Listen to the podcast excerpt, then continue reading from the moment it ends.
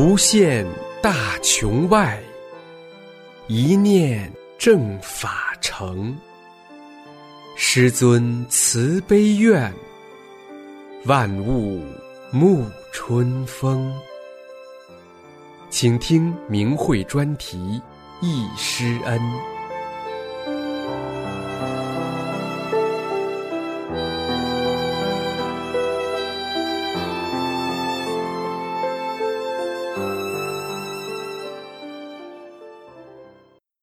请听明慧易师恩专题文章，题目是《易师傅山东临清传法的日子》。文章发表于明慧网，二零一五年五月七日。一九九三年五月七日至十七日，是我们临清大法弟子、临清众生永远难忘的日子。我们无比伟大慈悲的师傅不辞辛苦来到我们这里，把宇宙中最珍贵的无价之宝法轮大法亲自传渡给我们。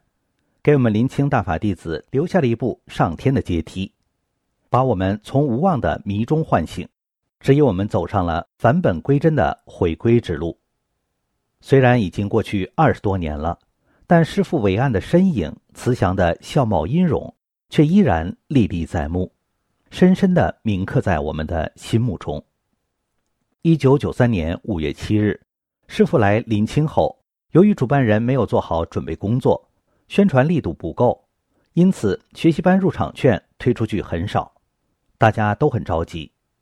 师傅知道这个情况后，对主办人说：“要在当天晚上举办一个报告会，你们只要把这个消息传出去，把人叫来，其他的事情就不用管了。”于是，一些工作人员分头到处张贴海报，消息迅速传遍了整个临清。当晚，师傅不顾旅途疲劳。在临清市宾馆大礼堂会议室举办了一场代工报告，当时的市委、市人大、市工会、科协的一些领导人也参加了。后来听一些开了天目的人说，当时他们看到会议室的讲台上有一尊很大的佛盘坐在那里。会后，人们纷纷到工作人员处领取入场券，参加的人数达到二百三十余人。有几个练过气功的学员。接触过一些当时比较有名望的气功师，但总感到没得到真东西。练了一些日子，没有什么提高，总想找名师想提高。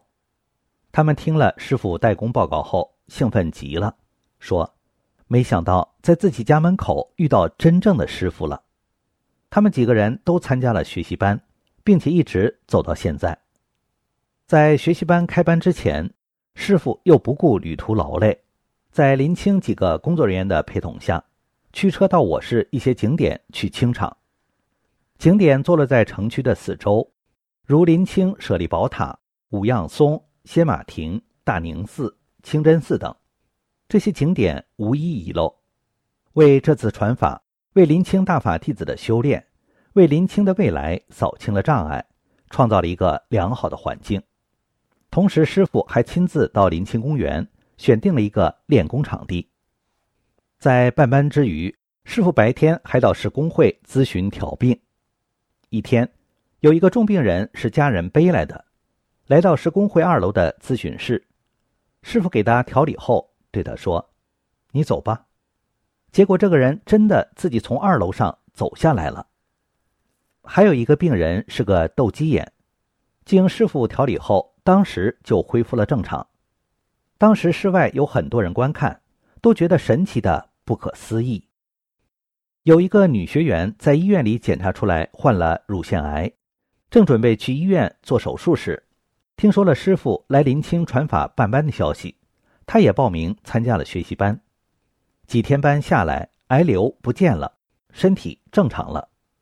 她在班上谈体会时，激动的只是呜呜的哭，说不出一句话来。在学习班上，学员的心性提高的很快，有几个学员每天去的比较早。开班的前两天，这几个学员每次都坐在第一排，并且还给亲戚朋友占几个空位。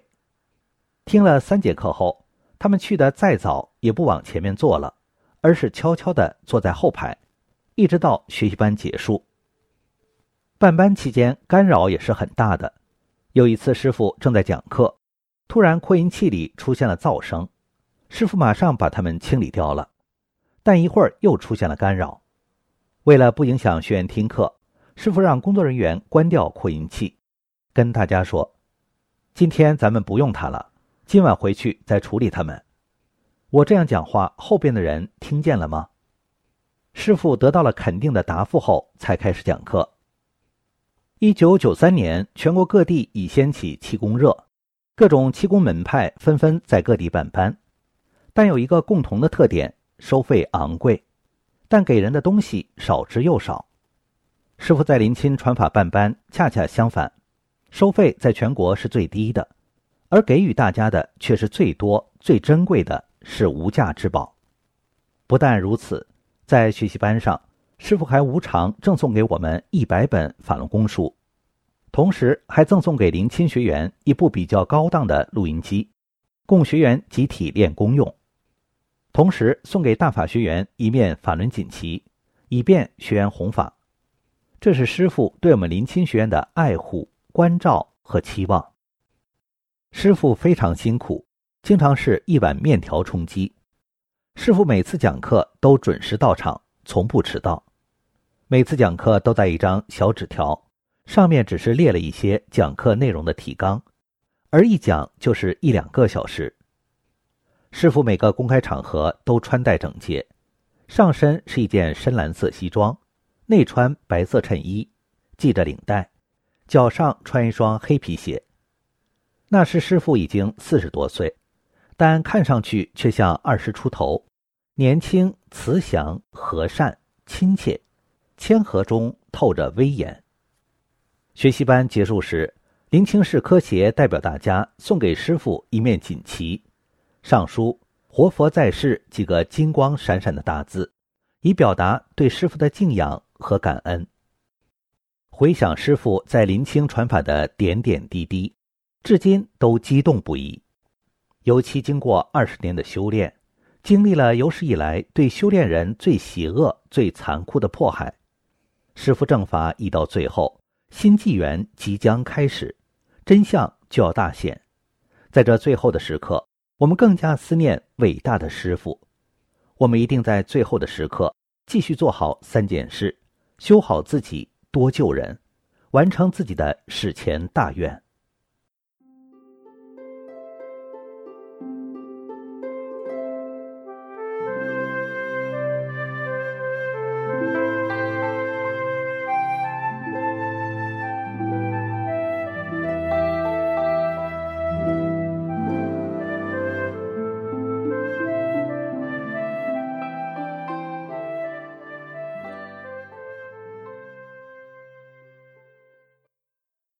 请听明慧易师恩专题文章，题目是《难忘参加师傅哈尔滨传法班的日子》，作者黑龙江大法弟子。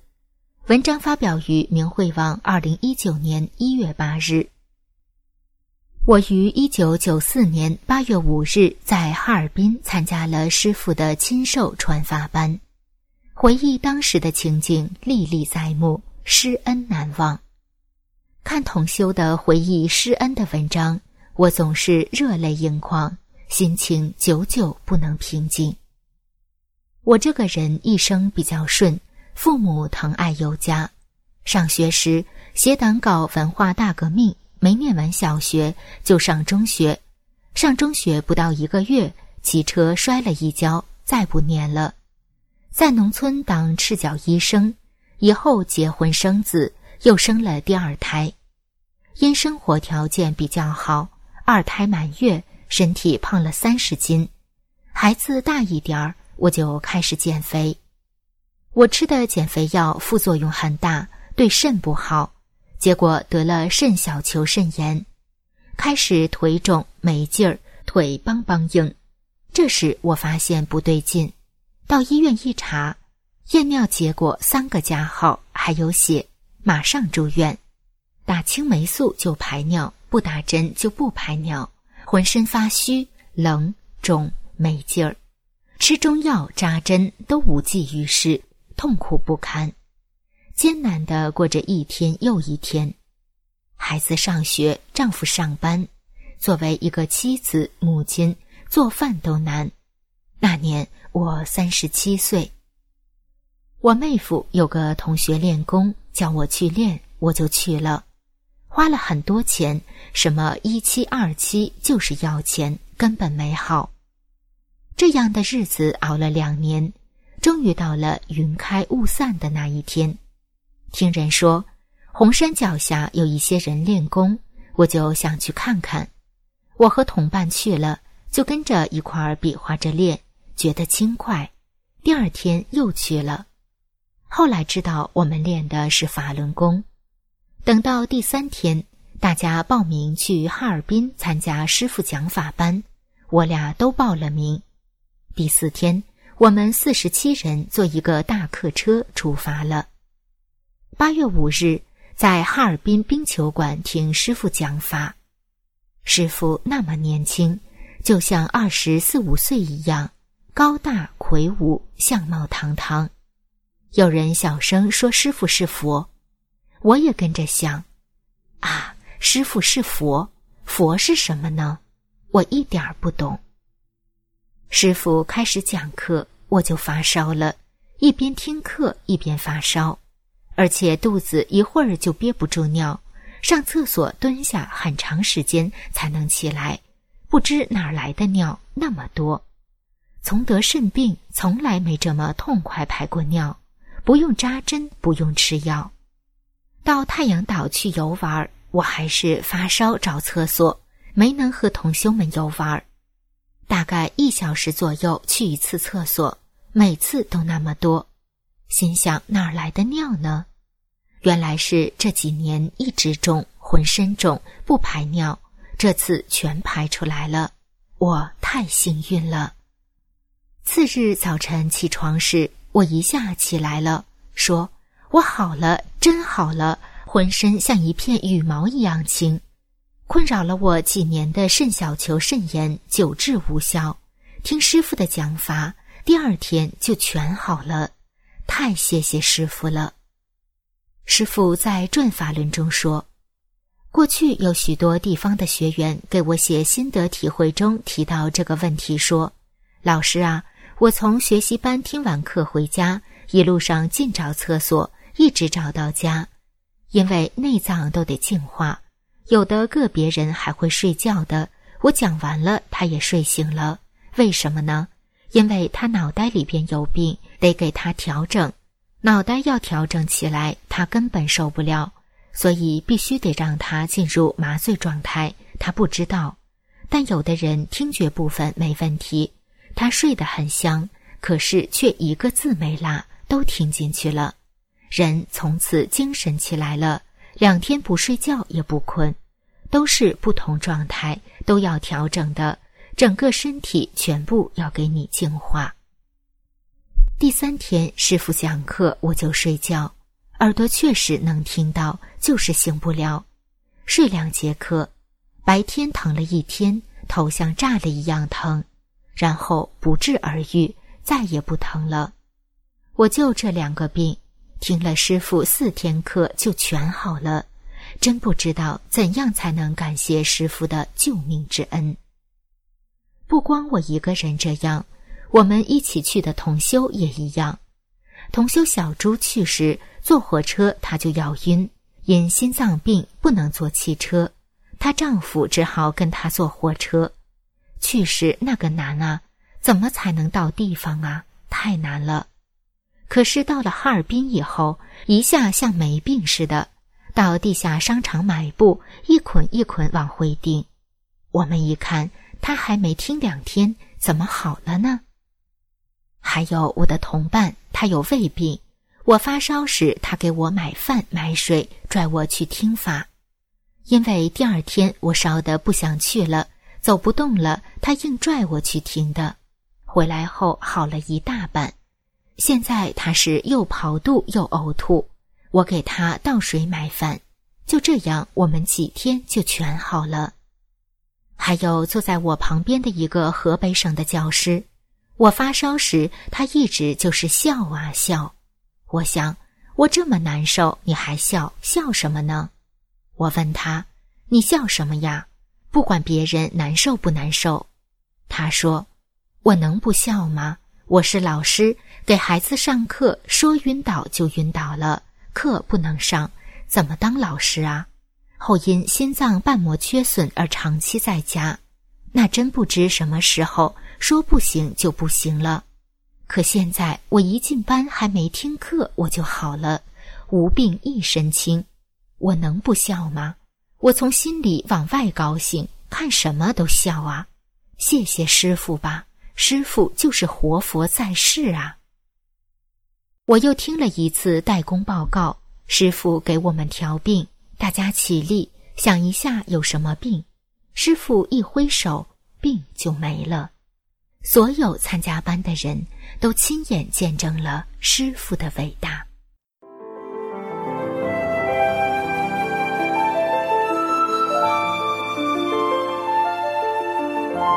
您现在收听的是明慧专题《易师恩》。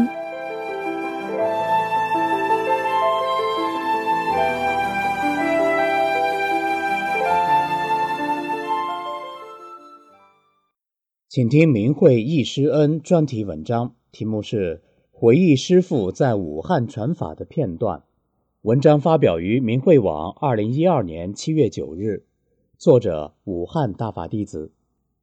师父在《红云三》中著有一首歌词：“盼望，十五的月亮挂在天上，荧光下的大地不再繁忙。此景使我联想，久远的年代，我在何方？为何来到世上？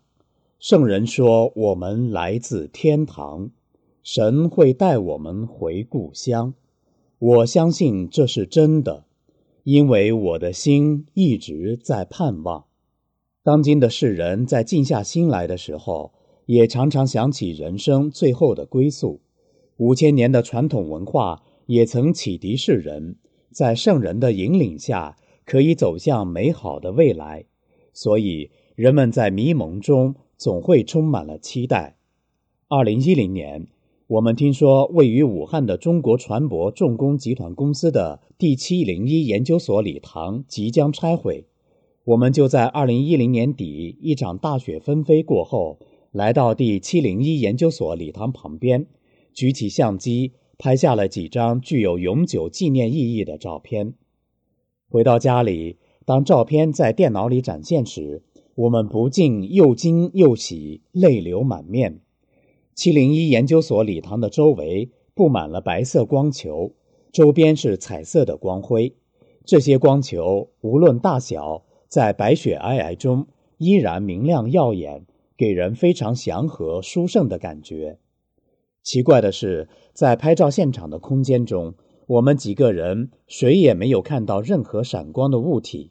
那么，这些圆形的光球到底是什么呢？回答这个问题。就要从十九年前发生在第七零一研究所礼堂的传奇故事说起。一九九三年三月，江城武汉终于迎来了第一次法轮功学习班。李洪志师傅到武汉的当天下午，车经过黄鹤楼时，有学员看到天上有很多仙鹤跟随着师傅乘坐的车飞过佘山，飞过长江大桥，飞过龟山，飞过汉水桥。一直飞到师傅所去的位于汉口的武汉市气功协会的所在地。当武汉的法轮功学员们得知师傅应邀亲临武汉的消息时，激动的心情无以言表。学员们迅速忙了起来，有的联系场地，有的联系省市气功协会，会写的写，会画的画，四处张贴海报。虽然大家几乎每天都忙到深夜。但个个都兴致勃勃，但万万没有想到，那段时间天空就像破了口似的，连续下了十几天的倾盆大雨，海报湿了又贴，贴了又湿，一次又一次，学员们不知所措。而当时师傅却经常双盘闭目独坐卧室。后来，武汉法轮功第一期报告会及学习班如期顺利进行。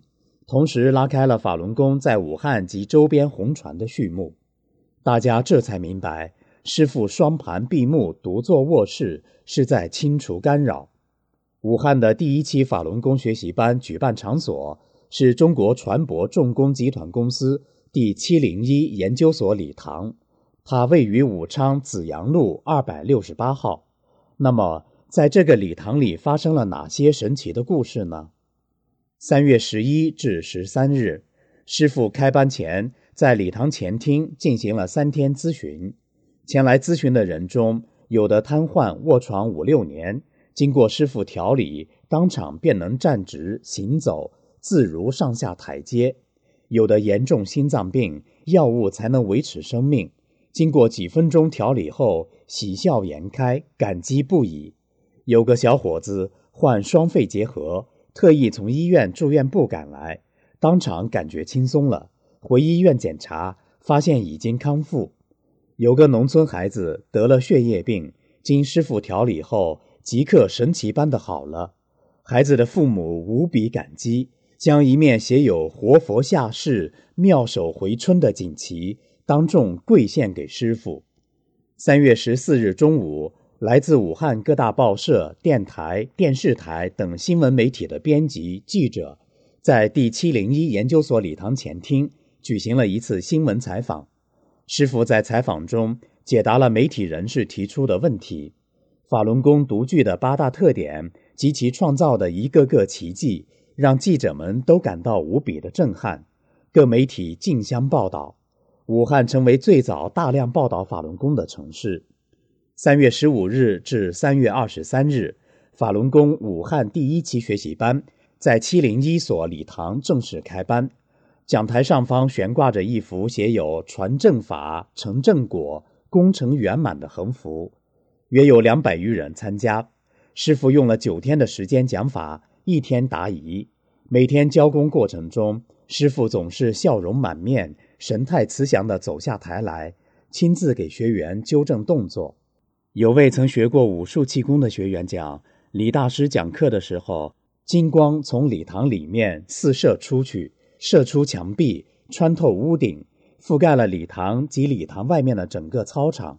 这个地方要受益的。武汉法轮功第一期班结束的当天，七零一所工会工作人员在礼堂后台摆好了笔和纸，恭请师傅题词。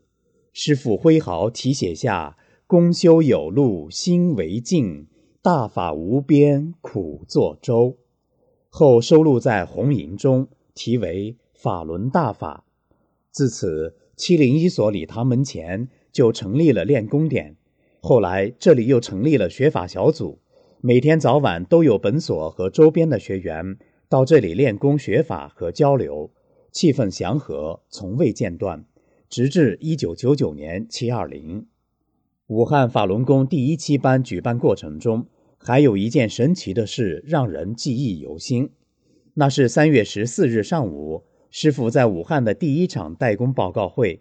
在第七零一研究所礼堂举办，约七百余人参加了报告会，其中有九十高龄的原国民党参议员，有著名医学院院长，有名牌大学老教授，有省委、市委、政协、科协的领导，还有一批武昌公安分局的离休干部，还有驻守中国舰船研究所的整个排的军人。代工报告会上，师傅说：“伸出手来，掌心朝上。”师傅开始给学员下法轮，这时学员中有的喊了起来：“看见了，看见了，看见我手心有法轮飞旋，还是彩色的。”有的感到手心发麻，有的感到手心发热，还有的看到整个礼堂从上到下，法轮像雪花一样布满了整个空间，落在学员的手上、身上、肚子上，无处不有，真是太壮观了。师傅在《转法轮》第五讲中讲，这个法轮图形是宇宙的缩影，它在其他各个空间也有它存在的形式、演化过程，所以我说是一个世界。法轮在顺时针旋转的时候，能自动吸取宇宙中的能量；逆时针旋转的时候，能发放能量。内旋顺时针渡己，外旋逆时针渡人，是我们这个功法的特点。法轮功也称法轮大法，是佛家上乘修炼功法。一九九二年五月十三日，由李洪志先生从中国长春传出。法轮功以宇宙特性真善忍为修炼原则，同时包含五套缓慢优美的功法动作。法轮功教人向善，要求修炼者从好人做起，按照真善忍原则，不断提升道德水准，从而获得心灵的净化和身体的健康。通过修炼，修炼者还可以逐渐开智开慧，达到洞悉人生和宇宙奥秘的自在境界。十九年来，虽然风雨连宵，但法轮功从未停止给世人和众生带来福祉和希望。因为法轮功具有净化身心的奇效，所以受到了各国民众的喜爱。至今，法轮功已传到世界一百多个国家和地区，同时受到海外各项褒奖达上千项。法轮功的主要著作《转法轮》已被翻译成三十多种文字。并可以通过明慧网免费下载，吸引上亿不同族裔的修炼者。这就是法轮功的真相。生活在今天的每一个人都不要错过了解法轮功真相的机会，因为这是你走入美好未来的唯一保证。法轮常转，世人没有被遗忘，但是机缘也是稍纵即逝，请珍惜机会吧。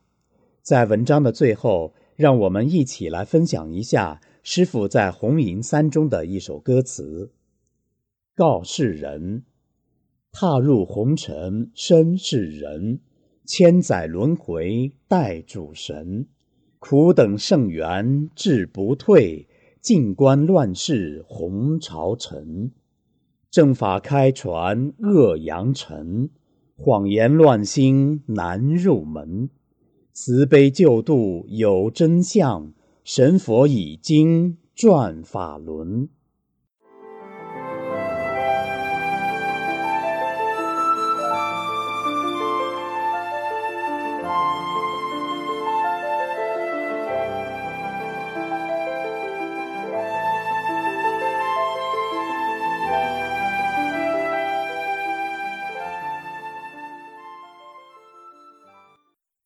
请听明慧忆师恩专题文章，题目是《回忆当年师尊为我净化身体的神迹》，作者大连大法弟子。文章发表于明慧网，二零一三年三月九日。法轮大法是佛法，这话乍听似乎很难理解。由于长期受无神论毒害，又一直从事实证科学工作。整天和试验打交道，根本不懂什么是佛法修炼，认为这些都与己无关。直到参加了师尊的法轮大法传功讲法班，亲身经历了师尊为我净化身体的神迹，让我彻底放下了对现代科学的迷信，改变了我的人生轨迹。我从此走上了修炼法轮大法的返本归真之路。错误的诊断。一天，我正在写试验报告，突然头晕眼花、呕吐，不能写字。住院后，脑 CT 检查诊断为脑血栓。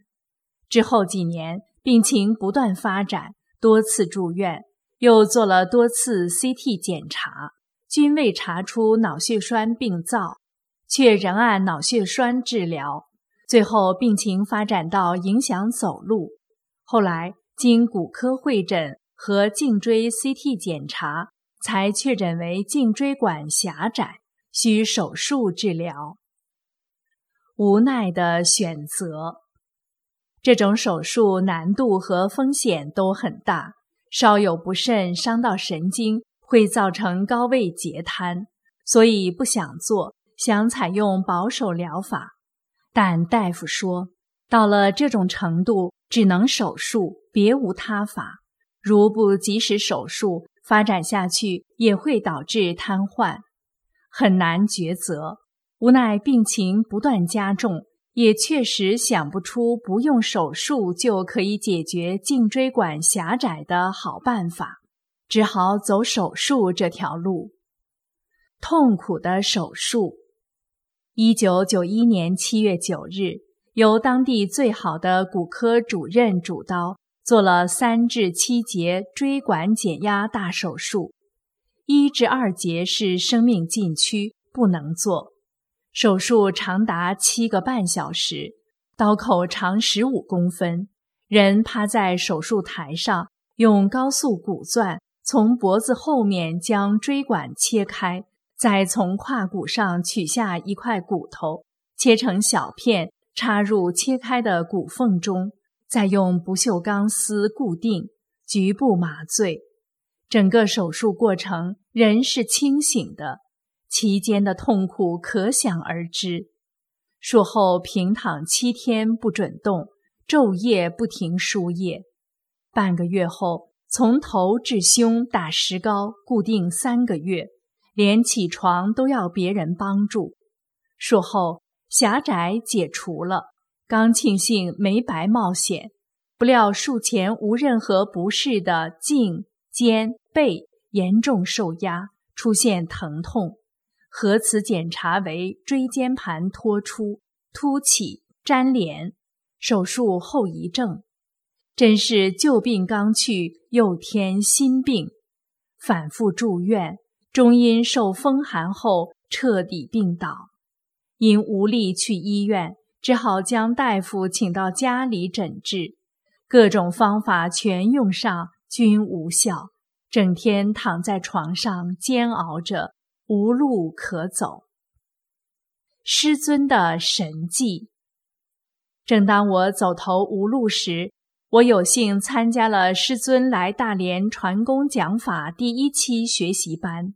这是我终生难忘的日子。那是一九九四年三月二十七日，先生把我从三楼背下来，乘从单位租来的小轿车到讲法班礼堂门口。下车后又背我进去，躺在第一排前自带的躺椅上。我身穿大衣，盖着毯子，围着围巾，一看就是个重病人。开课前，先后有工作人员和大连气功协会的有关负责人劝我们退场退票。后来我们听说是师尊叫他们来的，因为法轮功是修炼，不是看病的，所以重病人不准入场。我和先生一听都急了，先生立刻跳到台上，找到师尊，说明情况。我先生说：“我们不是来治病的，半个月前就开始看您的书，听您的讲法录音了。我们是来学功的。”师尊听后说：“这个学员还有点悟性，我去看看。”当师尊走到我跟前时，我就站了起来。师尊叫我坐下，并立即在我脖子上拍了两掌。又在头顶上拍了两下，接下来是清理双肩和手臂，然后叫我站起来走。当我走到台前中间时，师傅又为我净化双腿，前后不到两分钟。我在台前走了两圈，在场的很多学员都站起来鼓掌。当我回到座位上。身后的几位北京学员都说：“你太幸福了。我们参加了多次师尊讲法班，从未见到过师尊亲自动手给学员净化身体。”我说：“这也是我万万没想到的，师尊会亲自给我净化身体，我真的太幸运了，太幸福了。”在讲法结束后的学功时间。师尊又亲切地问我：“是不是脖子好转动了，像上了油一样？”我说：“是。”师尊又说：“本来也不用手术，遭那么大的罪，要是早练功，早就好了。”当日课结束后，先生要背我，我站起来一走，两条腿轻快了，我就自己一直走出礼堂。乘汽车回家，到家门口，先生又要背我上楼。我说不用，我自己走。结果我真的走上了三楼。当时我自己都不敢相信，眼前发生的这一切太神奇了，师尊神了！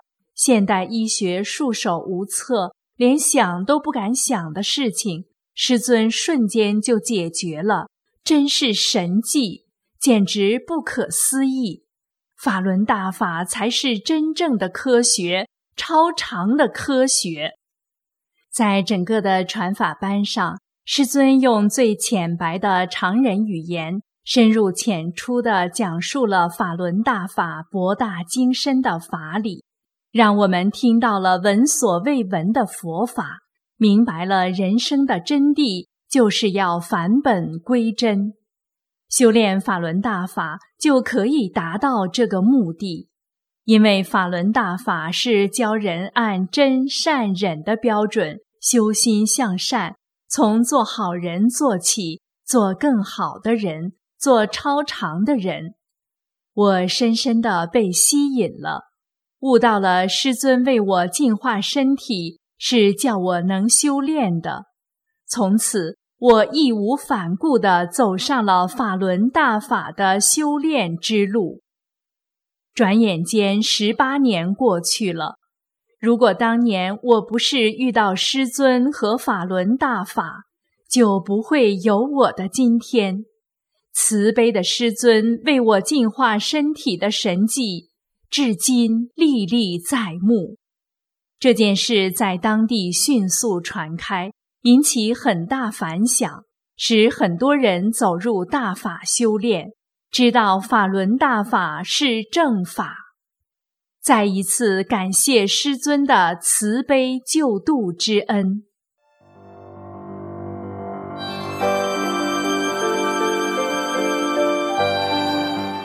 这一期的易师恩就到这里，谢谢收听。